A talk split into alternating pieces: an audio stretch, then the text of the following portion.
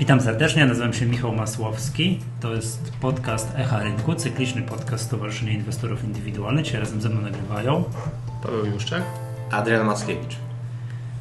No, Panowie, pierwsza sprawa. My mamy co tydzień taką spółkę. Tydzień temu PBG, a w tym tygodniu są fachowcy.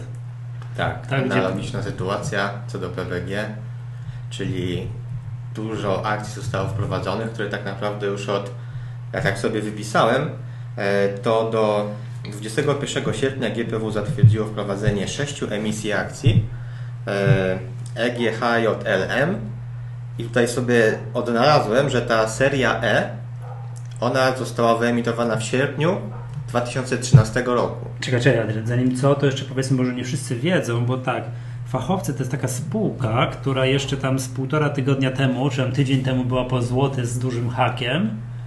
Tak. Teraz zostały dopuszczone do obrotu te akcje, które tutaj za sekundkę podsumujemy jakieś ilości, jaka to jest liczba akcji.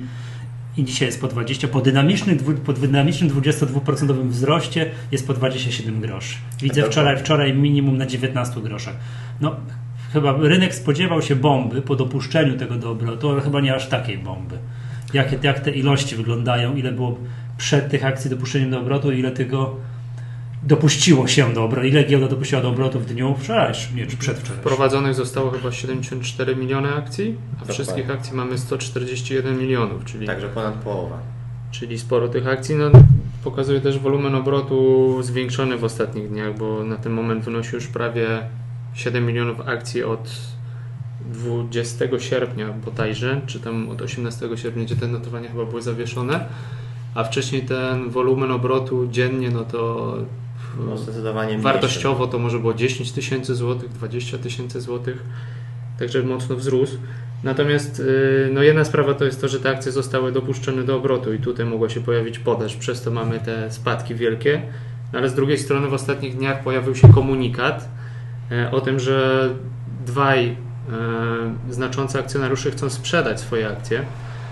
Tutaj e, była mowa o, o ABB i o tym, że oni chcą sprzedać e, chyba 9% akcji w, Tak naprawdę prawie 10, bo to było 9,93%, a ostatecznie oplasowali 7,23%.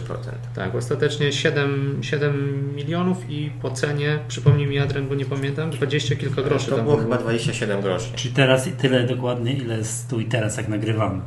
W czwartek No to- po to- południu. To też jest ciekawa, myślę, sprawa, bo ci akcjonariusze uzasadniali tą e, transakcję tym, że środki pozyskane ze sprzedaży tej akcji dalej chcą zainwestować w spółkę. Ale co w emisję nowych, no jakąś kolejną emisję, tam już tych literek już tam No. N, czy jak? jak Nie podali metodą? konkretnie jak, ale że te środki mają zostać e, właśnie przeznaczone No właśnie trochę, trochę to może dziwić, bo jeśli, bo jeśli rzeczywiście ci akcjonariusze chcieli dokapitalizować spółkę, no to mogli po prostu zrobić to poprzez emisję prywatną. No ale nie mieli pieniędzy, musieli sprzedać akcje. tak.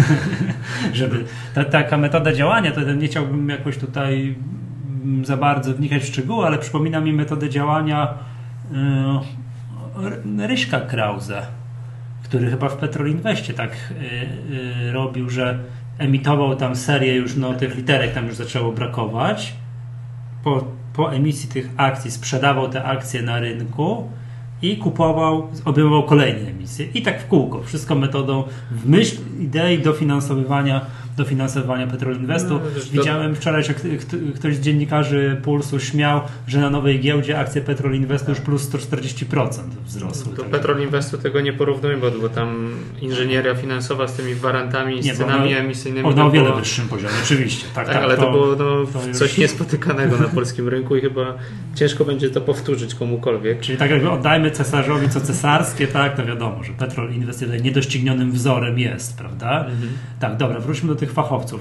Czyli tak, spółka była warta, jak tutaj patrzę, tydzień temu wyżej złotówki, czyli jest 27 groszy po tym nieszczęsnym dopuszczeniu. Mówisz o akcjach, tak? No bo spółka była warta. A nie, przepraszam, o, o kursie, o, o cenie jednej akcji, ile była warta, to zaraz może jeszcze, zaraz może jeszcze przejdziemy. No i tak jak można powiedzieć, wiesz, znajdź Ctrl-C, Ctrl-V jakby wiesz, podmień słówko PBG z zeszłego tygodnia na, na teraz na fachowców i dyskusja, mam wrażenie, jest bardzo podobna, prawda? Tak, ja to tak czuję, nie? Że, że było wiadomo, że te akcje w tej ilości, o której mówicie, 70 milionów, a łącznie akcje 140 milionów będzie dopusz- będą dopuszczone, tak? No tak jak mówiłem, tutaj Dobrze. pierwsza emisja tych akcji serii E miała miejsce w sierpniu 2013 roku, czyli, Czyli praktycznie cztery lata temu. lata temu. Po ile groszy? E, No pierwsza emisja akurat była po 16 groszy, potem jeszcze były emisje po 10 groszy, 20, e, 22 grosze i ostatnia emisja serii M po 27 groszy. Właśnie. I one teraz, te wszystkie emisje, które widziałeś tam od kilkunastu do 27 groszy, zostały dopuszczone teraz raz, dwa, trzy dni temu. Dokładnie, 21 sierpnia, e, czyli w poniedziałek. No to jakby to powiedzieć. No chyba można było się spodziewać takich spadków, czy nie?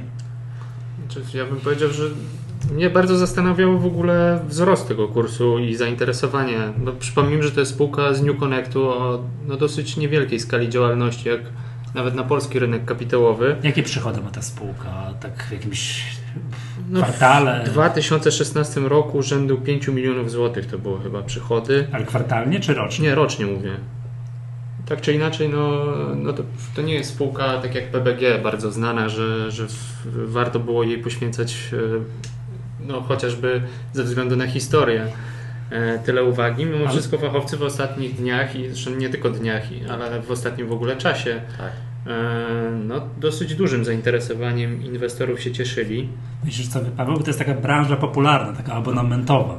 Tak? Także przynajmniej się chwalili, że tak to u nich działa, że może tam przedsiębiorcy kupowali u nich te usługi produkcji stron internetowej, tak w dużym uproszczeniu, tak? I stały abonament na to. Przykład na przykład takiego live chata pokazuje, że to wszystkie takie abonamentowe sprawy są, cieszą się, się zainteresowaniem inwestorów. I domyślam się, że stąd. Plus wiadomo, przyszłość to internet i tak dalej, więc domyślam się, że stąd to się mogło wziąć. Tylko diabeł tkwi w szczegółach. Ile ta spółka jest warta tak kapitalizacyjnie dzisiaj? Czekaj, no niech no. No Teraz mamy to jest około 40, 40 milionów mniej Tak, więcej. 38. A przed tym spadkiem była warta? No, w momentami, 150, a 200. momentami nawet 200 milionów, a przed samym spadkiem około 150 to było. Czy to Właśnie kontynuując to, co chciałem powiedzieć, no łatwo teraz y, ktoś może powiedzieć, Po że, fakcie, że teraz każdy mądry po fakcie, ale e, tutaj w biurze możemy sprawdzić, że to już mówiłem od wielu miesięcy, że, Masz udokumentowane na piśmie. Mówiłem w kuchni przy kawie, że, że tak, że no, bardzo mnie dziwi kapitalizacja tej spółki, która momentami była na, na poziomie właśnie 200 milionów złotych. E, przy Mimo tego. Mimo tam- tego popularnego modelu, no bo tutaj właśnie inwestorzy chyba liczyli na sukces podobny do LiveChata czy, czy do IMS-u.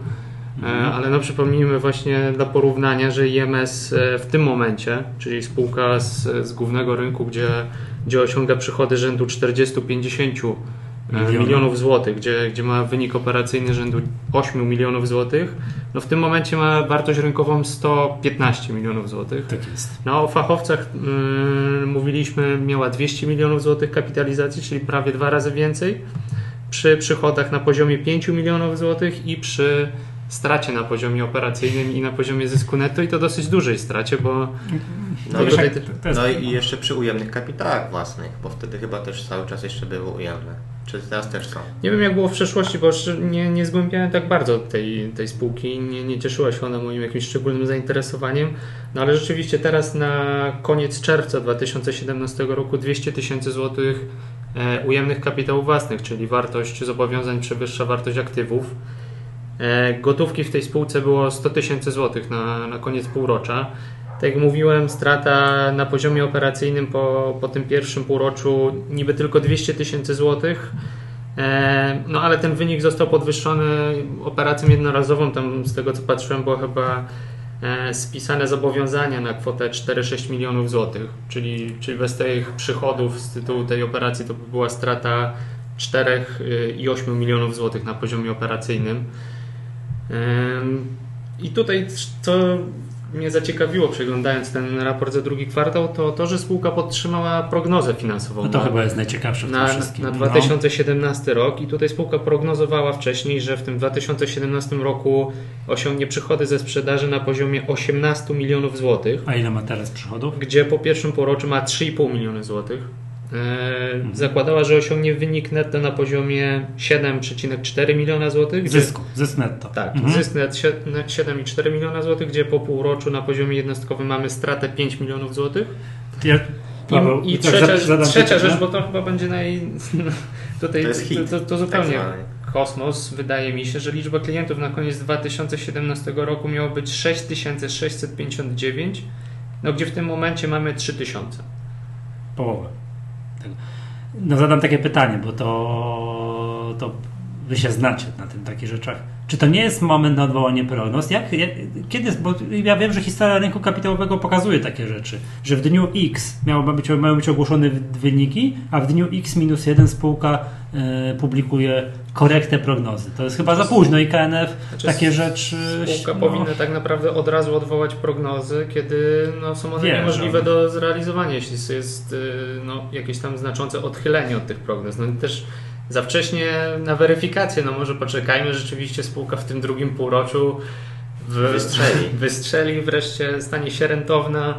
Nie wiadomo, co tam się stanie, no chociaż chyba sami w to nie wierzymy. Nie wiem, czy ktokolwiek jest, kto wierzy w realizację tych prognoz. Natomiast no, poczekajmy, spółka ma jeszcze pół roku, żeby te prognozy dowieść. No, czyli nie takie pół roku, bo sierpień to wbrew pozorom to już jest sierpień. a No nie- tak, ale dane finansowe mamy od, od czerwca. Nie Tak. wiadomo, co się działo w A, lipcu. Chociaż no, przeglądając na przykład fora internetowe, nie wiem na ile są te wiarygodne wpisy i, i czy tam inwestorzy nie oczerniają po prostu spółki. E, No ale gdzieś tam pojawiły się nawet wpisy, że spółka ma problem z regulowaniem na bieżąco wynagrodzeń. No, Nie wiem na ile to jest prawda. Nie wiem, czy to są jakieś kłamliwe wpisy, natomiast no, różne podejrzenia się pojawiają.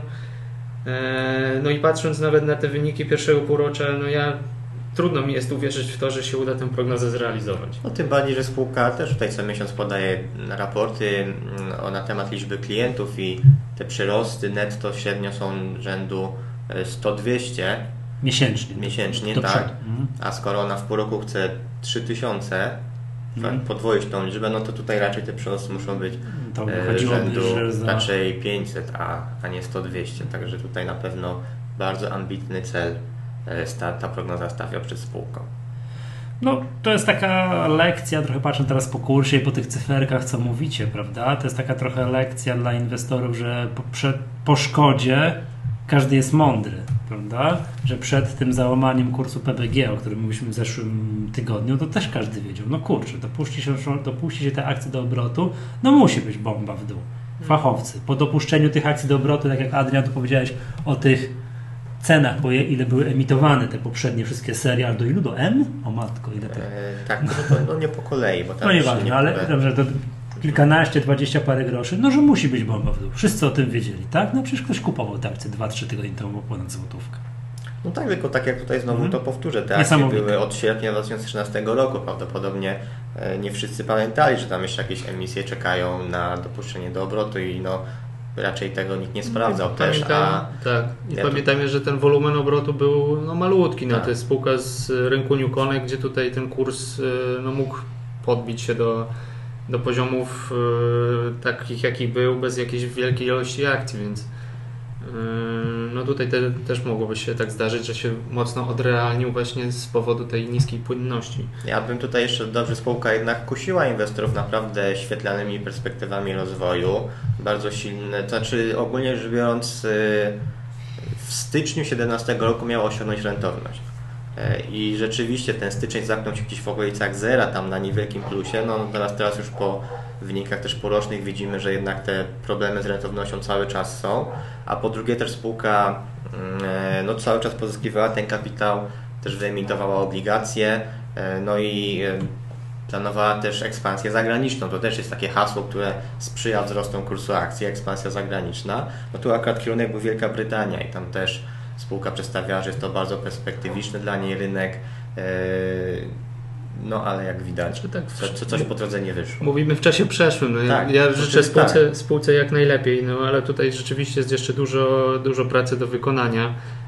E, szczególnie biorąc pod uwagę, że te koszty mocno e, w spółce rosną i mimo tych rosnących przychodów, gdzie spółka dynamicznie zwiększa bazę swoich klientów, no to wciąż pozostaje nierentowna właśnie przez to, że no, że te koszty Ale to jest taka trochę branża, są dosyć nie? W rozdmuchane. tych gdzie- branżach nowych technologii, jeżeli jest wysoka stopa, nie, jest, wysoka dynamika wzrostu klientów, to inwestorzy i potencjalni inwestorzy tam przymykają oko na, wiesz, na straty w kolejnych kwartałach, jeżeli widzą, że, wiesz, że klienci rosną, że naprawdę ta krzywa jest Czy tak, no tylko py pytanie, jak długo będą przymykać oko, no bo po pewnym czasie jednak no, ten próg rentowności powinien zostać osiągnięty, tym bardziej, że spółka zapowiadała, że ten próg rentowności, nie wiem, czy w 2017 roku Tak, tak jak mówiłem, w styczniu 17 to już miał być ten pierwszy miesiąc rentowny, no i potem raczej miało być już na plusie. Tymczasem okazuje się, że ile by spółka nie zwiększyła przychodów, to o tyle samo rosną koszty i zysk nadal pozostaje nawet kilka, szybciej te koszty rosną. kilka milionów złotych na minusie, tak?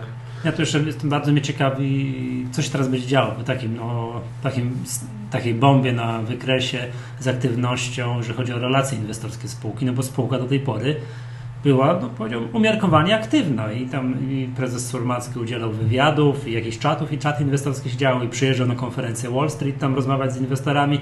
Jestem ciekaw, czy, po- co, co teraz to będzie, bo to, tak, to będzie taki prawdziwy test dla tego, czy, do tego, czy spółka jest otwarta, czy, czy nie jest. No zobaczymy. No, na razie kubeł zimnej wody dla inwestorów, jeżeli chodzi o, o, yy, o jeżeli chodzi o spółkę fachowcy.pl.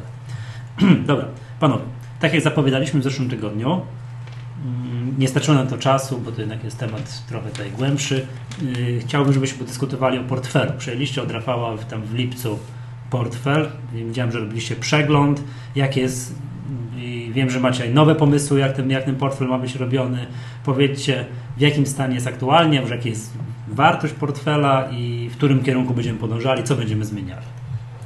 Właściwie, no, tak jak powiedziałeś, przejęliśmy ten portfel w, na koniec lipca, chyba na początku sierpnia, gdzie już te pieniądze były właściwie w 100% zainwestowane. Tam niewiele pozostało do wolnych środków do wykorzystania, gdzie dostaliśmy właściwie e, instrukcję od Rafała w, co do każdej spółki, jak on to widział i e, no i w pierwszej kolejności staraliśmy się zweryfikować te, e, te jego instrukcje i ewentualnie przyjrzeć się tym spółkom, które mamy w portfelu.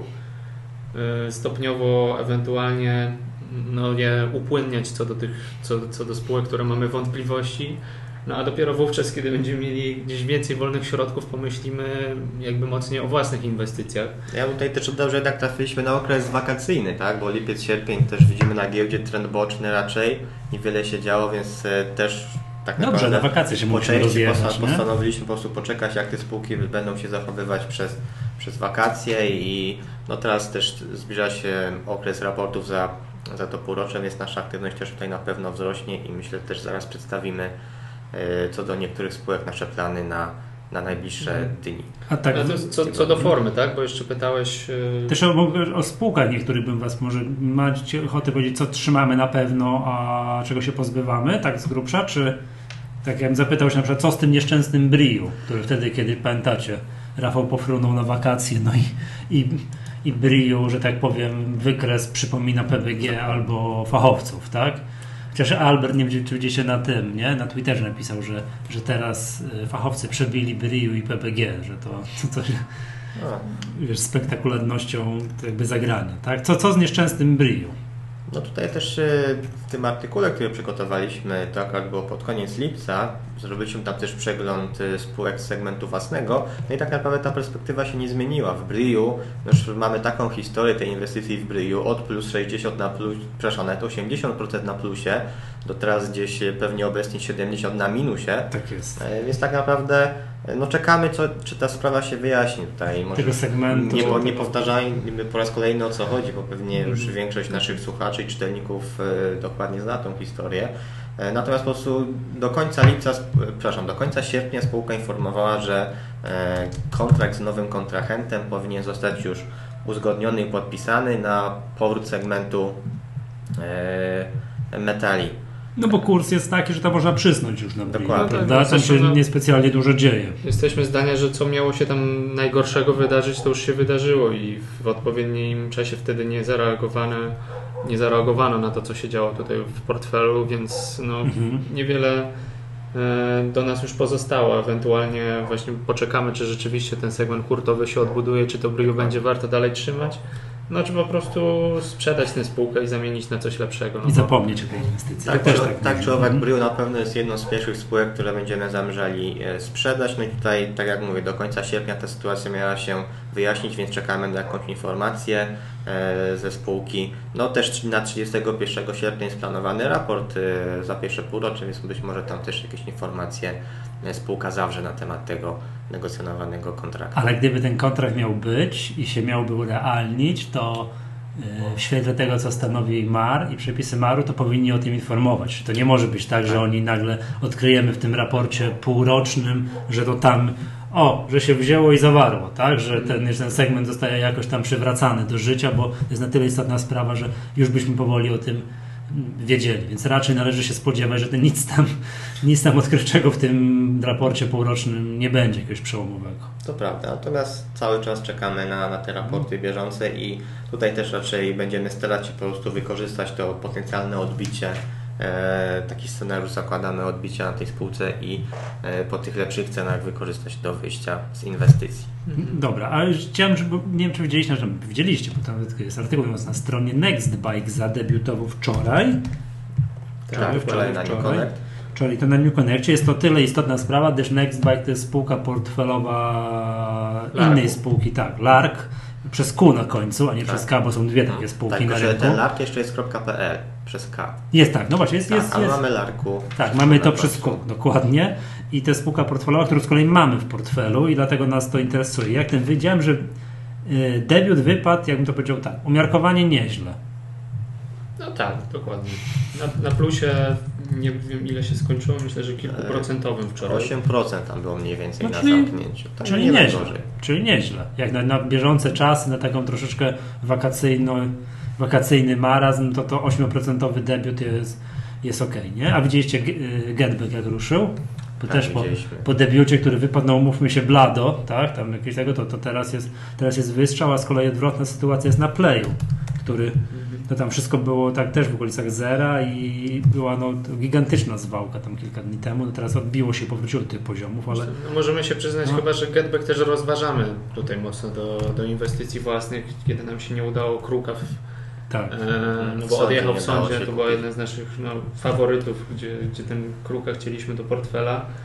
No myślimy o tym Getbacku i, i być może albo pojawi się w następnej sądzie, albo, albo pomyślimy o inwestycjach własnych. Tutaj jeszcze nie, nie obiecujemy, ale na pewno tę inwestycję rozważymy, bo, bo też nam się spółka podoba. No tydzień temu wystrzał, no nie, w tym Tak, tygodniu wystrzał na Getbacku ogromny, prawda? Teraz tak jak też e, mówiliśmy na początku, musimy kilka, e, kilka akcji sprzedać, troszeczkę upłynnić ten portfel, żeby też było za co e, Mhm. nowe inwestycje przeprowadzać. Dobra, czy planujecie panowie jakąś fundamentalną zmianę, jeżeli chodzi o podział portfela? No bo przypomnijmy do tej pory, że to było zawsze tak, że był tak zwany segment długoterminowy dywidendowy, tak zwany segment głosowany, gdzie czytelnicy, słuchacze głosowali. Już jedną taką inwestycję chyba mamy za sobą. Yy, I segment inwestycji własnych. No, jak, czy tutaj jakieś zmiany mm, zajdą? Czy to możemy powiedzieć, że no, naszym zdaniem warto byłoby ten portfel dzielić na dwa segmenty, a nie na trzy, bo, bo tutaj ten podział między segment długoterminowy a, a segment własny jest trochę sztuczny, bo tak naprawdę Obydwa są własne. no, tak naprawdę do jednego i drugiego segmentu to my wybieramy spółki, a nie ktoś za nas wybiera. E, Więc no trochę to jest sztuczny podział na, na stopę zwrotu segmentu własnego, na stopę zwrotu segmentu długoterminowy i tak dalej. E, A z drugiej strony no myślimy nad z, zmianą w segmencie głosowanym, żeby te spółki, bo teraz mamy zasadę, że one po czterech miesiącach automatycznie wylatują z tego segmentu głosowanego. Co by się nie działo? Tak, co by się nie działo, nawet jak e, uważamy, że, że ta spółka ma dalsze perspektywy i warto byłoby ją trzymać, no to, to musimy tę spółkę sprzedać. I, I tutaj myślimy nad tym, żeby o tym, czy dana spółka zostanie w tym segmencie, no decydowały no, bieżąca sytuacja rynkowa, czy to jakieś wcześniej ustalone poziomy take profit yy, czy stopos, czy, czy ewentualnie jeśli sami uznamy, że, że sytuacja na tyle się mocno zmieniła od momentu publikacji e, tego uzasadnienia, kiedy, kiedy tworzymy sondę, y, że tę spółkę należy sprzedać, no, no to wtedy będziemy podejmowali samodzielną decyzję. Natomiast no, tutaj jeszcze no, do końca nie, nie, nie ma żadnego jakiegoś twardego postanowienia.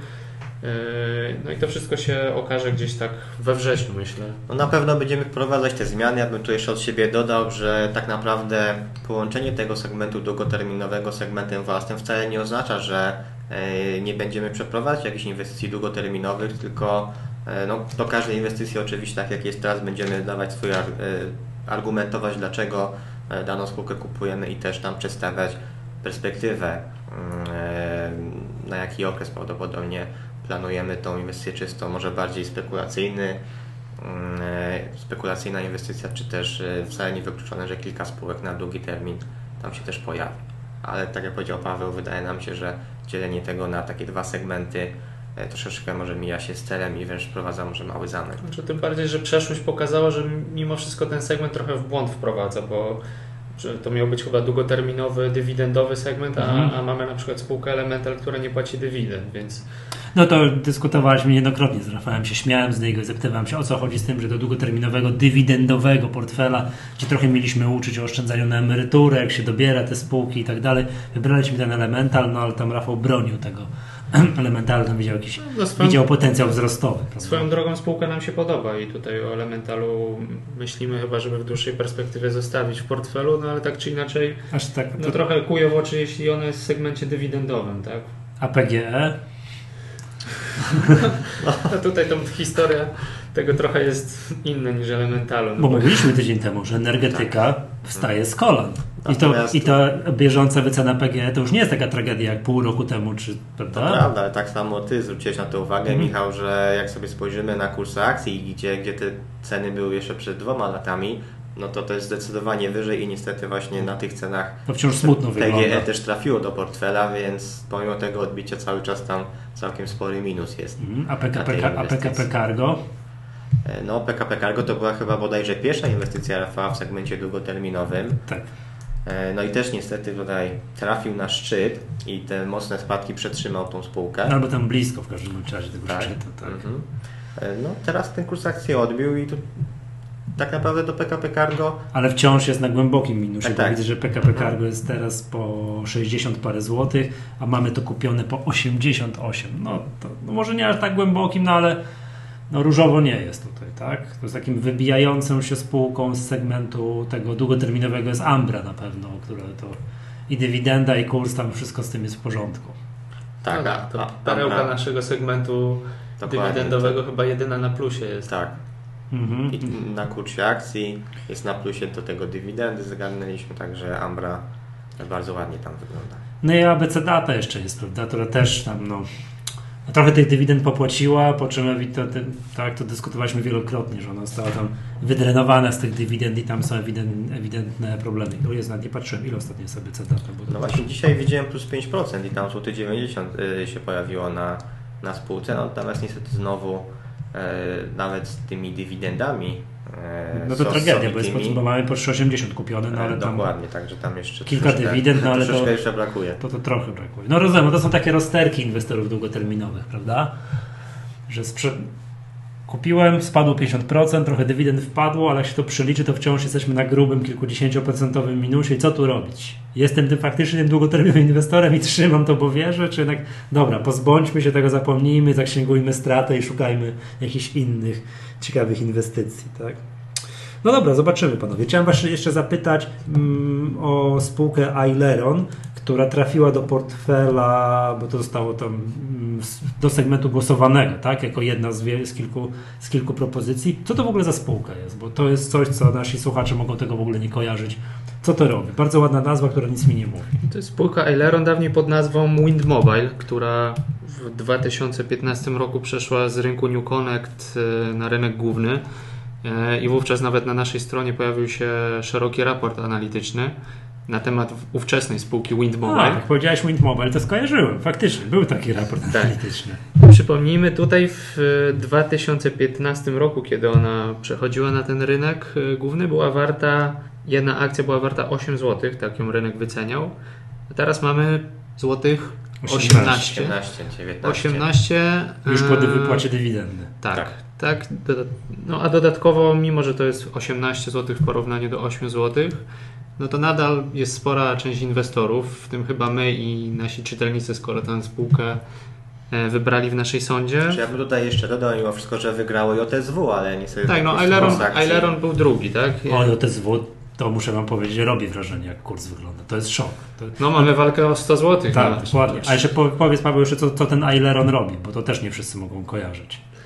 No tak naprawdę w, on działa w kilku e, tutaj segmentach. Po pierwsze to jest fintech, e, gdzie tam no, jego głównym produktem to jest chyba LiveBank, czyli wirtualny, wirtualny oddział, który umożliwia kontakt wideo z doradcami, czy też zawieranie transakcji.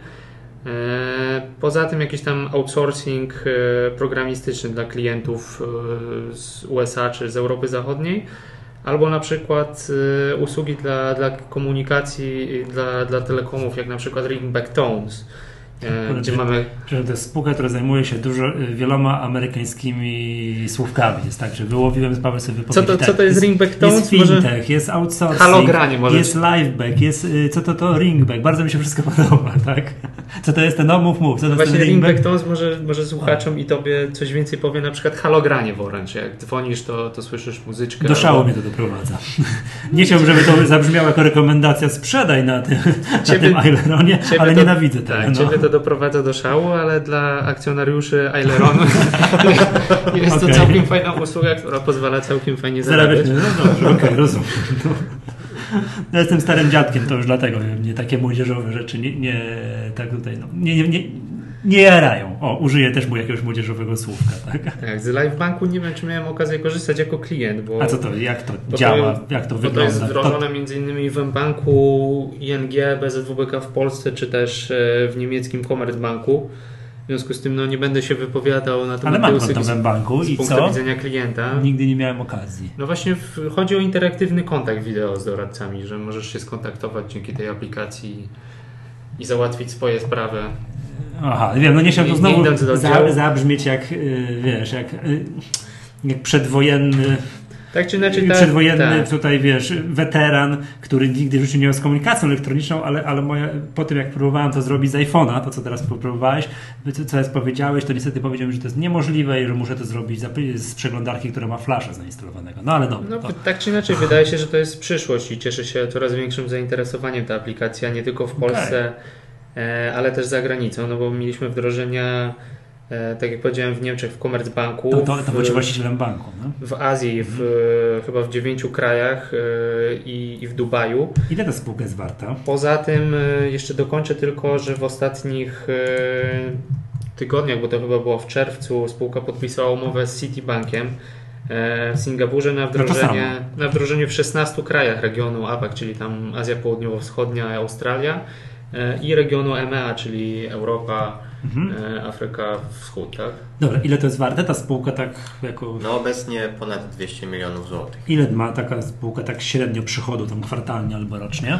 Czy w 2016 roku to było 90 milionów złotych. e, Przychodu czy przychodu przy- całej grupy, a wynik operacyjny 8 milionów złotych. Okej, żebyśmy mieli pojęcie, jakie to jest, wiesz, wielkość, o czym my mówimy teraz. Nie? Czyli to już dawno przestała być spółka z Uconnectu. No Tak, wiesz, wielkościowo, wszystko i tak dalej, jak tutaj, wiesz, powiedzieć, jak jest kapitalizacja, przychody, zysk netto, no to to już... no tak, no ile mówisz, Adrian? 200 milionów? Tak. No to dobiła do kapitalizacji fachowców sprzed Tak, roku. A ma 90 milionów przychodu rocznie, tak? I tam wynik netto, 10. na plu- i wynik netto na plusie, no i to takim solidnym z tego, co słyszę. No tak. Okej, okej, okej, okej. Dobra, czyli to jest pierwsza taka, pierwsza, po ile kupiliśmy ten, ten Aileron? 18,89 chyba. Obecnie jesteśmy jednak na niewiel- niewielkim minusie, ten kurs akcji 18-20 parę jest. tak, gdzieś tutaj między 18-20 zł się konsoliduje. Dobra, panowie, to, to pośmieję się teraz z Was troszeczkę. Najwyżej przejdzie do segmentu długoterminowego, nie? Jak, jakby się okazało, że... Dokładnie. Połączymy segmenty, nikt nie zauważy różnicy. Jak, no, no nie, okej, fajnie, to będę nas przepytywał, bo widzicie, ja też się czegoś dowiedziałem, bo to ciekawa spółka, w ciekawej technologii, w ciekawej branży, być może ja tam paru rzeczy nie rozumiem, ale to człowiek się, człowiek się uczy całe, całe życie, tak? E, dobra, to JSW faktycznie podejrzewam sobie przed sekundką, jest max roczny 99 zł 93 grosze. Brakuje 7 zł do, nie może 7 groszy do 100 zł. No to niewykluczone, że dzisiaj się zamknie powyżej 100 zł. To będzie cena nieoglądana od no już patrzę, patrzę, patrzę, kiedy jest nie, od 2011 roku, albo, tym, albo nie, w 2012 też mogło być jeszcze przez chwilę powyżej 100 zł, ale dosłownie chyba tam na jedną czy dwie sesje. No tak. No, Niesamowicie. szkoda, bo tak jak mówiliśmy, w sądzie wygrała JSW i kiedy publikowaliśmy sądy, tę propozycję JSW, to kurs był w okolicach 80 zł. A kiedy się sonda zakończyła, no to już był w pobliżu 90 zł, także... Ta, ta, ta korekta była bardzo, bardzo płytka na chwilę, tylko ten kurs tak. akcji. Także do nie, nie 80 zdążyła się sonda zakończyć, kiedy już ten kurs odjechał. Trzeba dopisać OTSW do jedno, tej, tej całej listy spółek, które odjechały w tych wszystkich segmentach głosowanych. no. nie? Miesiąc wcześniej był zresztą Kruk, który też nam odjechał, też była nasza główna Mhm. propozycja i też odjechała do tam chyba 340 w tym Tak. momencie.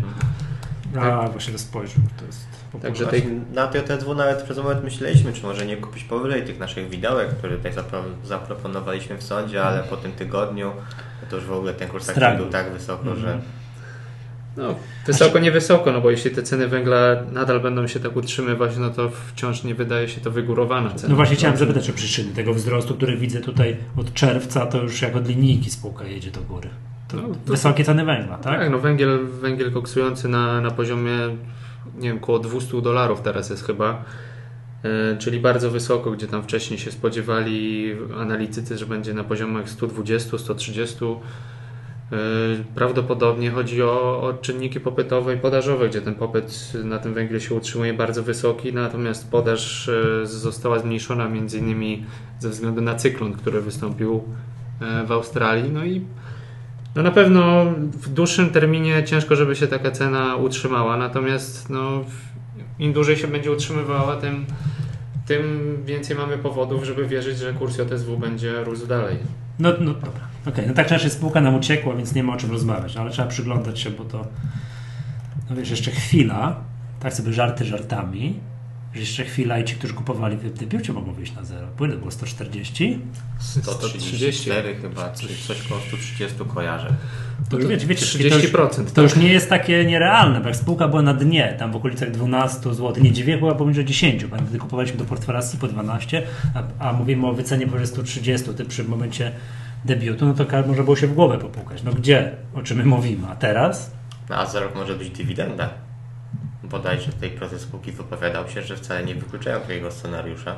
Mhm. No, no ale też pamiętajmy, że w tej spółce akcjonariusze mniejszościowi no to są na, całe, na samym końcu kolejki, tak? Bo mamy z jednej strony mamy obligatariuszy, z drugiej strony mamy budżet państwa, z trzeciej strony mamy związkowców, No ale wiesz, jakby dywidenda była, to by a gdzieś tam może na końcu są akcjonariusze mniejszościowi, tak? to w każdej spółce Skarbu Państwa tak jest. To nie, to, to, to, nie jest tutaj jakby W każdej spółce, ale nie w każdej spółce masz tak silny związek zawodowy, nie w każdej spółce masz jeszcze obligatariuszy, którzy no, Mhm. dosyć silnymi umowami tutaj bronią swoich interesów i, i też muszą zostać w pierwszej kolejności zaspokajani. No dobra, słuchajcie.